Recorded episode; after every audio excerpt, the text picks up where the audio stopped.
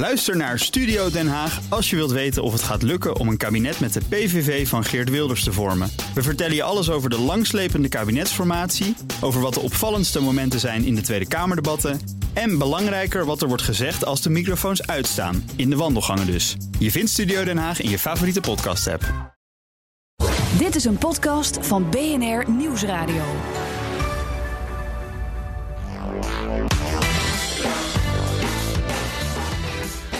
Welkom bij de Ben Tichelaar podcast bij BNR, de podcast over persoonlijk leiderschap. Met elke week tips en inzichten van zeer inspirerende gasten die je helpen om je verder te ontwikkelen in je werk en de rest van je leven. Mijn naam is Ben Tichelaar en mijn gast in deze aflevering is Jitske Kramer.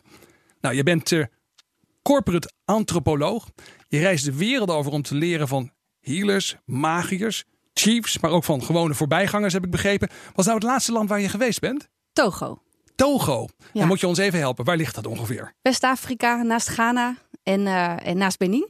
Ja. En in Togo was ik op uitnodiging van een voodoo-priester. Een voodoo-priester? Een voodoo-priester. Die kwam naar me toe. Die kwam ik tegen in een nou, lang verhaal. Ik kwam hem tegen. Ja. En hij zei van... We, hebben, hebben allemaal wel eens. Ja, ja. tuurlijk. Ja, ja. nou ja, als je ervoor open staat, kom je bijzondere mensen tegen. En dat doe ik. Dus ik kwam hem tegen in Tivoli, Utrecht. Um, en hij zei van ja, we hebben een imagoprobleem. Want iedereen denkt bij voodoo aan enge poppetjes. En, ja, dat denk ik ook aan. Ja, ja en, en hij zei van maar dat is helemaal niet voodoo. Dat is wat er van gemaakt is. Ook al in uh, kolonialiteit en door Hollywood. En ik heb een heel andere beleving van voodoo. En zou ik jou, nou ja, na twee avonden praten, zei hij: mag ik jou mijn voodoo laten leren kennen? Wauw. En daar ben je naartoe geweest. Ja, natuurlijk. Ja, ja. ja. ja dat is, uh, we gaan er zo meteen misschien nog meer van horen. Nog eventjes je biografie, of in ieder geval de dingen waar je mee bezig bent. Je bent ook ondernemer, hè, oprichter van Human Dimensions. En jullie geven volgens mij, als ik het goed heb begrepen, onder meer training op het gebied van cultuurverandering, uh, antropologisch kijken, uh, deep dem democracy. Dat zijn hele hippe onderwerpen. En al die onderwerpen denk ik bij van volgens mij heeft Jitske Kramer dat zelf ook deels op de kaart gezet gewoon in Nederland. Ja, dat klopt. Ja, wel bijzonder, ja. ja. Hoe, is dat, hoe, is dat, hoe is dat zo gegaan? Ik bedoel, hoe, hoe zet je dat soort onderwerpen op de kaart? Ja, door het niet op de kaart te zetten, maar te gaan doen. Dus, dus ik ben, mijn, mijn absolute vraag is, zolang ik me kan herinneren, hoe ben je samen mens? Hoe ben je samen mens? Ja, dus het is heel interessant, hoe ben je een goed mens? Dat ja. is moeilijk zat. Maar hoe ben je een goed mens samen met andere mensen? En dan zeker met die mensen die heel anders zijn. Ja. En dan helemaal met de mensen die je niet zo leuk vindt. Ja, dat wordt wel heel ingewikkeld. Ja, en dat is het leven. Ja, dat is het leven. Ja, precies. Je zegt het heel mooi. Ja. Nou, we gaan eens even aan met, met een paar vragen aan de slag. Ik heb een paar vragen voorbereid, maar onderweg gaat er natuurlijk ook van alles gebeuren. We zullen kijken hoe het gaat. Um, de eerste vraag die ik graag aan mensen stel, dat is eigenlijk een hele eenvoudige vraag. Maar wat heb je nou onderweg in je loopbaan geleerd? Wat heb je, uh, welke inzicht heb je opgedaan? Welke ervaring waarvan je zegt, dat heeft mij echt veranderd in mijn denken? Ja, ik denk... Um dat is voortdurend en gaandeweg met iedereen die ik tegenkom. Dus het, het, eigenlijk is het voortdurend openstaan ja. om geraakt te worden door wat een ander zegt. En geraakt op emotioneel niveau. Uh, dus dat het je wat doet. Dus niet alleen maar kennis, uh, nee. uh, leren van anderen, maar ook echt voelen. Ja, en, en geraakt te worden op, op kennisniveau, dat je je mening kan bijstellen. En daar zijn er zoveel momenten in het leven aan te wijzen waarop dat gebeurt, als je daarvoor open staat. Ja. En misschien een hele privé, een hele kleine is mijn kinderen. Ja. Dus um, uh, mijn zoon die kwam op een gegeven moment, op een, toen was hij een jaar of drie, echt diep huilend de trap af. En, en zoals een kind van drie dat kan doen met, met van die uithalen. Ik zei, wat ja. is er? Hij zei, ik wil ook mooi zijn. en dat je denkt, ah maar schat, je bent prachtig. En dan kom je erachter dat je tegen jongetjes zegt, wat ben je stoer. Ja. En tegen meisjes zegt, wat ben je mooi. En dus dat je, nou ja, in elke opvoeding, dus ook genderrollen in. En dan denk ik van ja, dan, dan, dat raakt me. Ja. Dan denk ik niet van god, dat is alleen maar hij. Maar dat zet me meteen aan het denken. Zeg, hoe doen we dat eigenlijk? Welke frames leg ik op aan mijn kinderen, aan mezelf, aan anderen? En hoe zit dat breder? En ja, eigenlijk in elke ontmoeting, dus misschien vandaag ook wel. Ja. Gebeurt er iets waardoor je denkt, ah, oh, wacht even, en hoe werkt dat dan? Dat is wel grappig. Dus je zou kunnen zeggen, een van de dingen die jij hebt geleerd, is dat je juist daar heel erg open voor moet staan. Dat je daar je antennes voor, voor moet uh, uitzetten. Totaal. Ik geloof ja. heel erg dat al je leermeesters zomaar wild op straat lopen en vaak op onverwachte momenten uh, bij een supermarkt tevoorschijn springen. Ja. Je had, net, je had het net over die voodoo-priester van Togo. Uh, wat heb je dan van zo'n persoon geleerd? Want we waren natuurlijk allemaal heel erg nieuwsgierig naar, dus dan willen we het ook weten. Ja, er is bijna geen één ding. Ik ben, ik ben daar een week geweest. Ja. En in die week dacht ik dat ik ging kijken. Maar toen bleek ik in de ceremonie zitten. Zij heeft zeven priesters opgetrommeld om met mij ceremonies uh, te doen. En, en dat te laten beleven. Oké. Okay. Um, dat was niet wat ik had verwacht. Dus ik moest even omschakelen. En wat ik vooral heb geleerd is dat ik niks heb gezien. Dus dat je in het vreemde, wanneer het zo vreemd is, wanneer je er geen Ja. structuur aan kan krijgen, je eigenlijk alleen jezelf tegenkomt. Dus als ik midden in een voodoo-ritueel zat waarbij een, een tweede geitje werd geofferd, waar ik in principe helemaal niet tegen ben. Wij, er worden zoveel dieren geofferd en daar kan je van alles van. Maar nu was het voor mij. Ja, En dan zit ik uiteindelijk, zat ik een uur met het geitje op schoot. Dat wist ik ook niet van tevoren, maar het was er uiteindelijk een uur. ja. En dat je in dat uur werkelijk je hele leven, maar ook alle frames. Wat is normaal hier? Waarom wil ik dit? Is dit wel oké? Waarom moet dit zo? ja. En eigenlijk in het, on- dus de, in het ontdekken en ontmoeten van het vreemde jezelf ontzettend tegenkomen. En ik denk dat dat is wat we te doen hebben. En ook in organisaties en in de samenleving. We Ja. komen allerlei vreemde mensen tegen. Je maakt meteen het bruggetje naar weer hele praktische toepassingen. Maar wat Ja. deed het met jou dan nog eventjes? Ja? Wat het met mij deed? Ja, Ja, totale verwarring. ja. En, en, en En je hebt al zoveel gezien. ja, Maar dit was toch iets wat jou nog in de war bracht. Ja, absoluut. Omdat het een, een context was die ehm, door die priesters zo liefdevol, zorgvuldig werd gedaan om mij hun voeden te laten ervaren. Mhm. Ehm, en die tegelijkertijd op zoveel momenten schuurde met wat ik fijn normaal vond. Ja. En dat zij daar weer opens voor stonden. Dus in dat echte contact eigenlijk. Binnen Zij begrepen dat ook wel. Dat jij dat, ja. Alleen ja, je zit in een ritueel. Dus als ik op een gegeven moment zei van... Goh, maar dit geitje, moet dat echt geofferd worden? Kan dat niet anders? Ja. Ehm, dat vond ik dan ook heel stom dat ik dat vroeg, maar ik wilde het wel vragen. En na drie keer legde de voodoo-priester het ritueel stop. Was er een soort time-out. Ja. Van, ja, kunnen we het geitje nog redden? En, en het antwoord was, nou ja, we hebben nu... Het geitje wordt allereerst niet voor jou eh, geofferd, maar voor de goden. Dat je ook Ja. denkt, hoe egocentrisch kan je zijn? En vervolgens, ja, we kunnen hem wel redden. Maar ja, dan, dan heb je al deze spirits opnieuw opgeroepen... en die krijgen niks te eten. Ja. En die worden heel boos. Dus het is basically, ja, of de geit gaat eraan, of wij. Oké. Wauw. Ja. en denk ik, nou doe dan de geit maar. Doe dan de geit maar. Zo, nou ja, je kon niet de kool en de geit sparen in dit geval, begrijp Nee, ik wel. nou ja. en dan zit je gewoon met jezelf en je eigen dilemma's. En, en slanswijs, slans eer. En hoe voeg je in? Hoe, hoe ga je mee? Waar Ja. ben je jezelf? Waar leg je de grens? Hoe ga je ermee om? Je hebt een nieuw eh, boek net geschreven. En eh, dat heet Jam Cultures. En dat gaat ook over ja, dat ontmoeten van, van dingen die anders zijn. Hè? Die diversiteit. En is het echt zo? Is dat, dit, is, dit is echt iets dat, dat draait daar ook om. Hè? Dat gaat er dus ook over. Dat je dingen tegenkomt die je misschien ook helemaal niet fijn vindt. Maar dat hoort er dus ook bij, blijkbaar. Ja, als we alleen maar dingen tegenkomen die we fijn vinden, dan leven we wel een hele bijzondere wereld. Ja. Weet je, dus je, dus je komt voortdurend mensen tegen die anders zijn, die andere ideeën hebben. En dan vind ik het interessant, en daarom heb ik het jam cultures genoemd, van hoe kunnen we nou zo'n moment in het moment doen en omgaan met het anders zijn. Dat is als een jam sessie. Ja. Dus, dus het, het vergelijk is een beetje dat je, ja, nou, je gaat jammen als je dat aan de muziek denkt of aan improtheater. Je gaat met elkaar aan de slag. Je moet je eigen geluid laten horen. Ehm, je moet niet afwachten. Je moet gaan. Dus het vraagt heel veel lef om te gaan. Ja. En vervolgens naar de ander te luisteren. En je weet eigenlijk met elkaar niet waar je uit gaat komen. Je weet ook niet precies wat er gaat gebeuren. Alleen maar dat je muziek gaat maken. En het enige wat je echt wel heel zeker weet, is dat je allemaal oprecht naar elkaar luistert. Ja, want dat is dan de randvoorwaarde om ergens te komen samen. Totaal. Ja. En oprecht luisteren betekent dus echt luisteren. En ik denk dat we daar natuurlijk heel vaak overheen gaan. Want luisteren naar de ander betekent dus ook luisteren naar jezelf. Want dat Ja. kan niet zonder elkaar. Nou, dan moet je het wat meer gaan uitleggen. En ik, en ik denk, kan me ook voorstellen dat mensen op een gegeven moment misschien luisteren en denken: oké, dat verhaal van die voodoo-priester en dat geitje. Maar als ik nou in mijn werk hier iets mee wil, of, of gewoon, ik, ik, ik heb lastige mensen in mijn team zitten. Ehm, hoe, hoe zou je dit vertalen? Wat zijn dan de lessen, zeg maar, die. je- Hè, want dat, dat vind ik interessant. Jij, jij ontmoet dat soort mensen, je maakt dit soort dingen mee. En dan weet je er toch altijd, dat vind ik super knap, een praktische les uit te halen voor gewone mensen die morgen weer hun werk moeten doen. Wat, wat voor lessen haal jij nou uit de dingen die we tot nu toe hebben besproken? Nou ja, niet zozeer één op één, maar dat voodoo vind ik heel belangrijk. Hoe kan je voorbij je eigen oordelen gaan? Ja. Dus je hebt een oordeel over voodoo. De meeste mensen doen een stap naar achter en zeggen tegen mij: Doe je wel voorzichtig, Ja, maar ik geloof er niet in. Wat natuurlijk een hele interessante eh, materie is. Ik geloof er niet in, maar je moet wel voorzichtig. Dus Ja. we hebben allerlei beelden bij elkaar en bij organisaties. En als je fusietrajecten doorgaat en dat andere team dat komt binnen, dat zal wel weer. Dus we doen heel veel frames plakken op anderen. ja. En, en vergeten daarmee de ander echt te ontmoeten. En eh, ik denk dat het belangrijk is dat je dat doet. Dus dat je door de frames heen naar de ander luistert en kijkt. En je eigen onbewuste oordelen ook aan de kant kan zetten.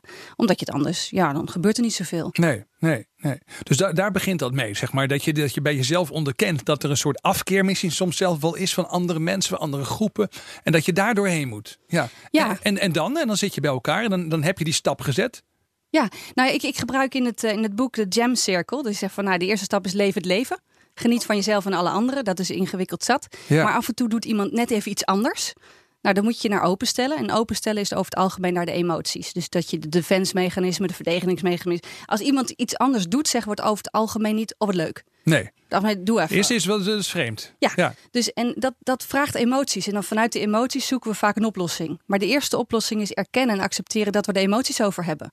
Dus er komen mensen die anders zijn. Dat zijn eh, vluchtelingen die binnenkomen, fusietrajecten. Oh, Oké, nou, even ze emotioneel openstellen. En dan kan je gaan Ja. exploreren. Maar je zegt ook wel ook erkennen dat er dus soms zeg maar allerlei gevoelens bij je oproept. Terwijl natuurlijk, laten we zeggen, het is niet altijd politiek correct om dat hardop te zeggen.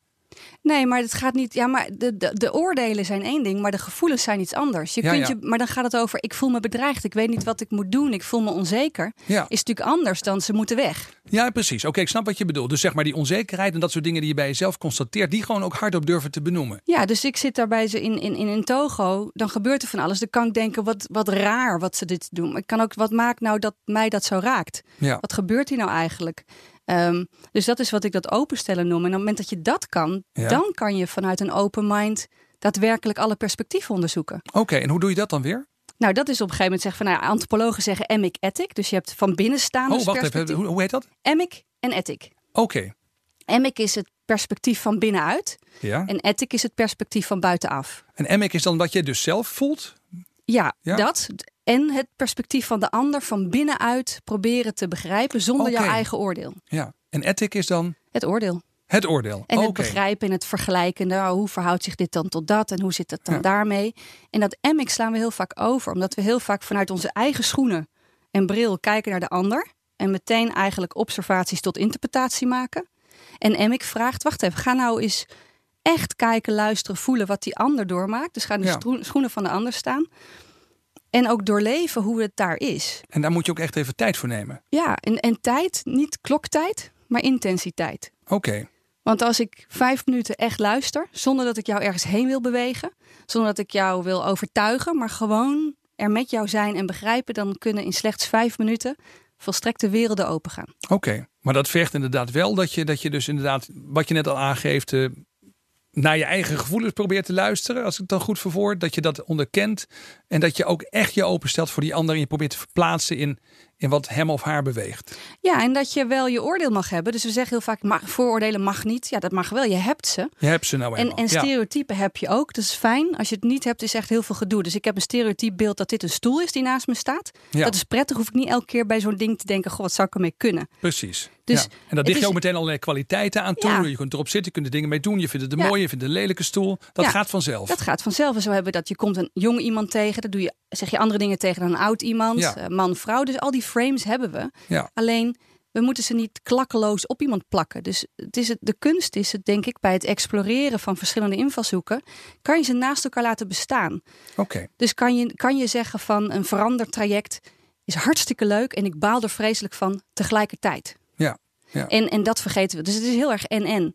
En dat gaat nog voordat je een. Kijk, de volgende. Dus ik doe leven het leven, openstellen, Ja. exploreren, creëren. Bij creëren moeten we gaan kijken. Oké, maar hoe gaan we al die verlangens en die verschillende eh, invalshoeken met elkaar combineren? Precies. Daar gaat het dan naartoe. En dan komt er iets moois. Ja, en, en dan wordt het spannend. Want dan komt macht om de hoek kijken. Oké. Ja, want hebben we alle opties op tafel. En wie gaat nou beslissen Ja. wat we gaan doen? En dat gaat zoals wie gaat beslissen welk budget we waaraan gaan besteden. Ja. Maar dat gaat ook over wie gaat beslissen wat hier normaal is in onze omgangsvormen. Hoe hard mag je praten? Welke emoties mag je wel niet laten zien? En dat is natuurlijk een heel impliciet besluitvormingsproces. Maar dat is bij inclusie wel heel belangrijk.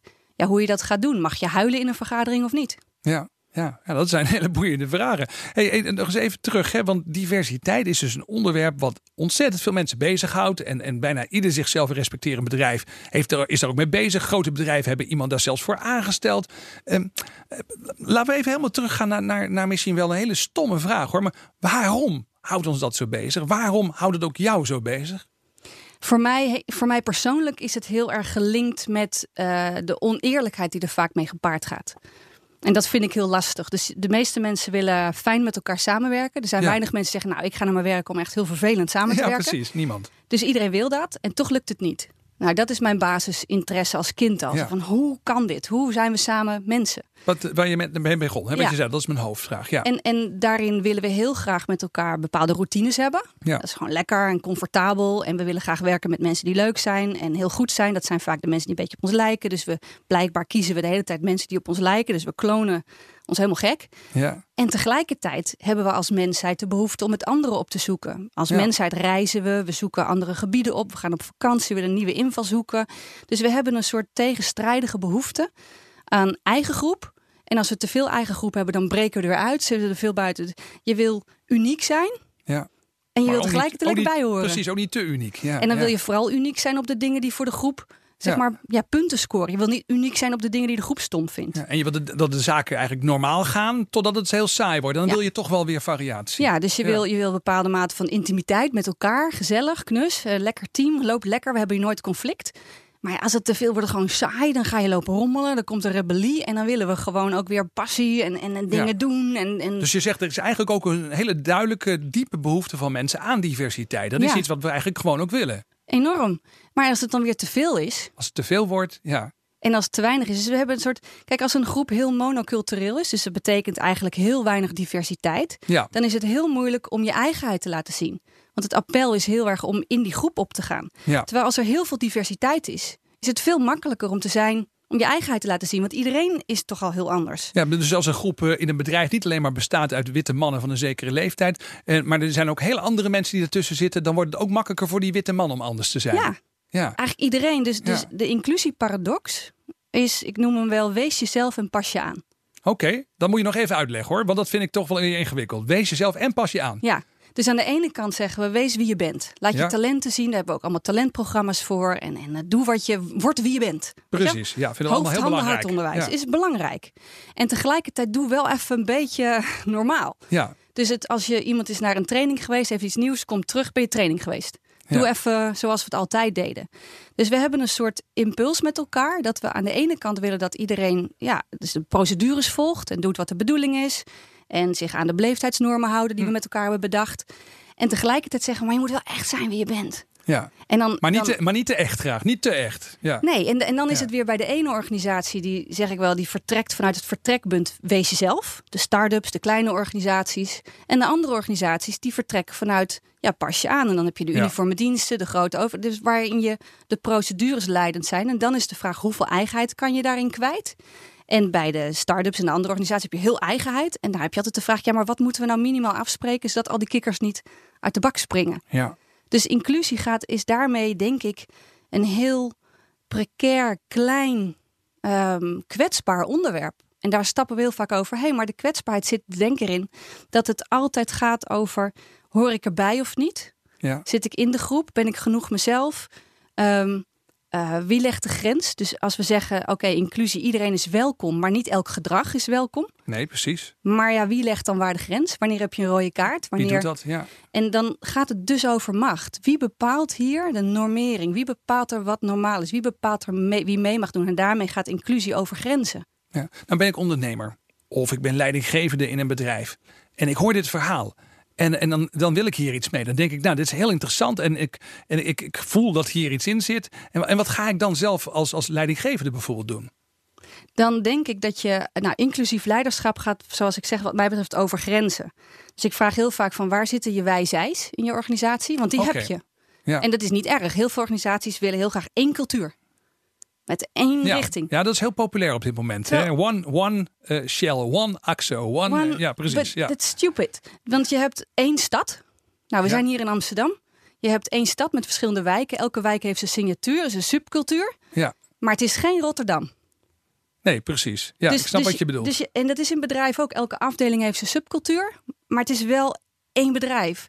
Dus inclusief leiderschap gaat er heel erg over. Wat doen we op die grens? En op die grens zit onzekerheid. En op die grens weten we niet. En daar zit ook de belofte van Ja, innovatie. en met- en met die grens bedoel je dus tussen die verschillende soorten subculturen. Ja, waar Ja. het niet helemaal duidelijk is wat de norm is. Ja. En dat is wat je in ketensamenwerkingen ziet, dat is wat je in fusies ziet, dat je precies op die grens. En dan zijn er hele praktische dingen op af te spreken. Wie gaat Ja. wat betalen? En hele impliciete dingen als hoe vergaderen we met elkaar. Ja. En dan zegt de ene groep, ja, dat hebben we altijd zo gedaan. En wij waren eerst in dit gebouw, dus ik leg je even uit hoe die werkt. Ja, maar jij vindt dan ook dat je dat expliciet moet maken en daar ook over dat soort dingen dan afspraken moet maken? Ja, wanneer ze in de weg zitten wel. Ja. En, en wat je ziet in, in diverse groepen, die hebben de neiging of onder de maat te presteren of te excelleren. Ja. Weinig, weinig in het midden. En dan vraag ik me af, wat maakt dat verschil? Ja, goed gemanaged. En dat verschil zit hem eh, in, in misverstanden, in emoties en in macht. Oké. Dus, dus je, je praat langs elkaar heen omdat je een andere taal hebt. Dat kan letterlijk zijn een Ja, andere dat taal. Zijn, dat zijn de misverstanden. Dat zijn de misverstanden. Dat zijn Ja. ook vakmatige misverstanden. Dat we, we denken dat we hetzelfde zeggen, maar het management bedoelt iets anders dan de vloer. Weet je, heb je gewoon ja. vakmatige misverstanden, vakjargon, waardoor we elkaar niet begrijpen. Emoties. We Emoties. vinden het gewoon wel ingewikkeld.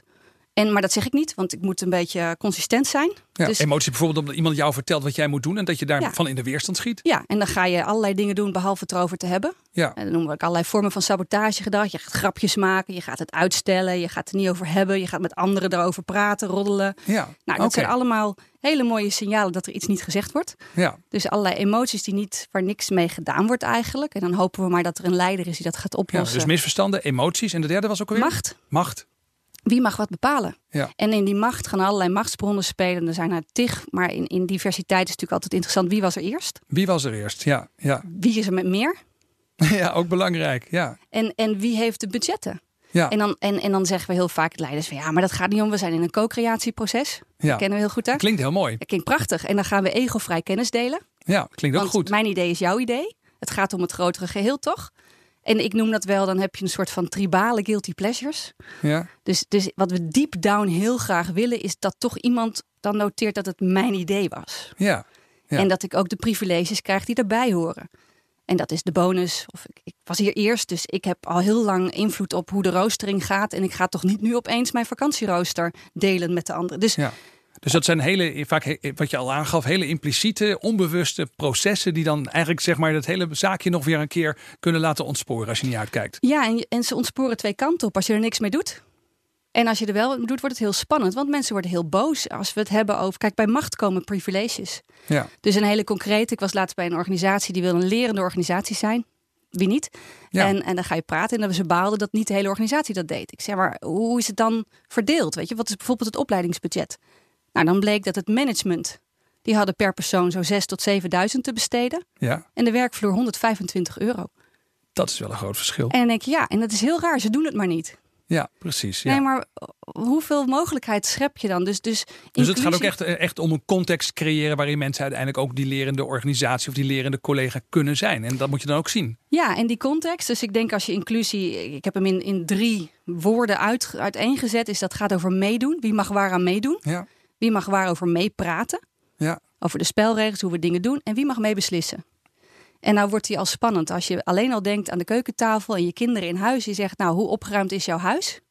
Wie mag meedoen met dit gesprek? Ja. Wie mag erover meepraten, over de mate van opruimen? Ja. En wie mag beslissen of het opgeruimd genoeg is? Ja, ik, ik hoor al wel dat dit gesprek een bom onder ons gezinsleven kan leggen. Ja, maar ik snap wel wat je bedoelt. Ja, wauw, heel interessant. Zeg, ehm, we hebben al heel veel dingen met elkaar besproken, maar ik heb ook altijd een hele verrassende, eh, eh, gekke vraag ertussen zitten. En eh, dat gaat op nummer. Ik heb een envelop met 15, of ik heb 15 enveloppen met vragen. En ik wil je vragen om een nummer te noemen van, van 1 tot 15. Ja, nummer 8 natuurlijk. Nummer 8. Oké, dan ga ik eens even kijken wat dat is. Eens even kijken. Oh ja, dat is wel een mooie vraag hoor. Wanneer heb jij voor het laatst iemand hardop uitgescholden? Iemand hard, dat doe ik niet zo gauw. Nee, maar toen je het deed, de laatste Toen keer, wanneer was dat? Oh, dan moet ik echt heel lang nadenken. Het was, het was niet die voodoo-priester met dat geitje. Nee. Nee, daar, nou het enige die ik toen heb uitgescholden was mezelf. Oké. Hoe, hoe dan? Waarom zit je in deze situatie? En vervolgens meteen het antwoord: nee, dit is leuk. Ja. Zo.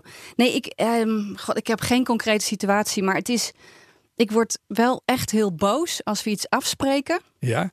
En, en we hebben echt afgesproken dat we dat doen. Mhm. En ik of de ander doet het niet.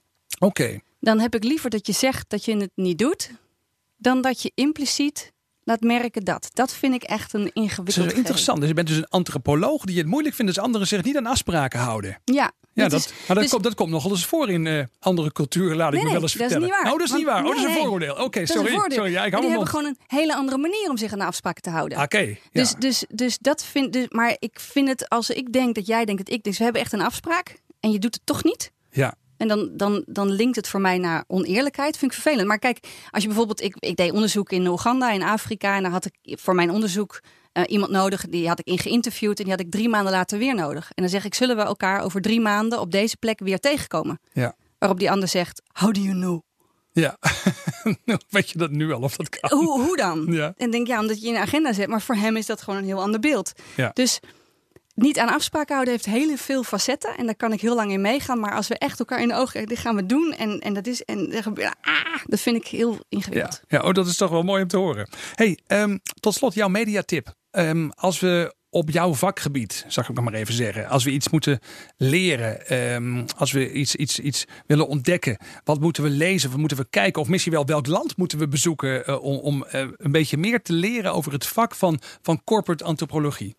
Nou, een, een eh, bekende schrijver, Simon Sinek, heeft een antropologische achtergrond. Het boekje Leaders Eat Last van hem vind ik een mooi boek. Dat nou, raad ik je aan. Leaders eat last. Ja. ja. En, ehm, en een andere, Derek Sivers, dat is een, ook een antropoloog. En die heeft een paar hele mooie TED-talks. Die zijn al wat ouder, maar als je ze nog niet kent, zeker gaan kijken. Dirk Sivers, hoe schrijf ik zijn achternaam? S-I-V-E-R-S. Oké. En hij heeft één TEDx die gaat over bizar of gewoon anders.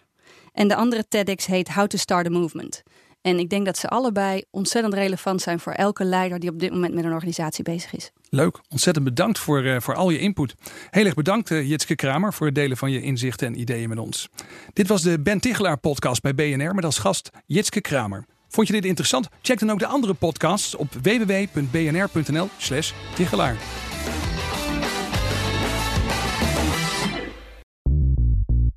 BNR ben je altijd als eerste op de hoogte van het laatste nieuws. Luister dagelijks live via internet. Bas van Werven. En heel langzaam komt de zon op rond dit tijdstip. Je krijgt inzicht in de dag die komt op BNR, het Binnenhof in Nederland en de rest van de wereld. De Ochtendspits. Voor de beste start van je werkdag. Blijf scherp en mis niets.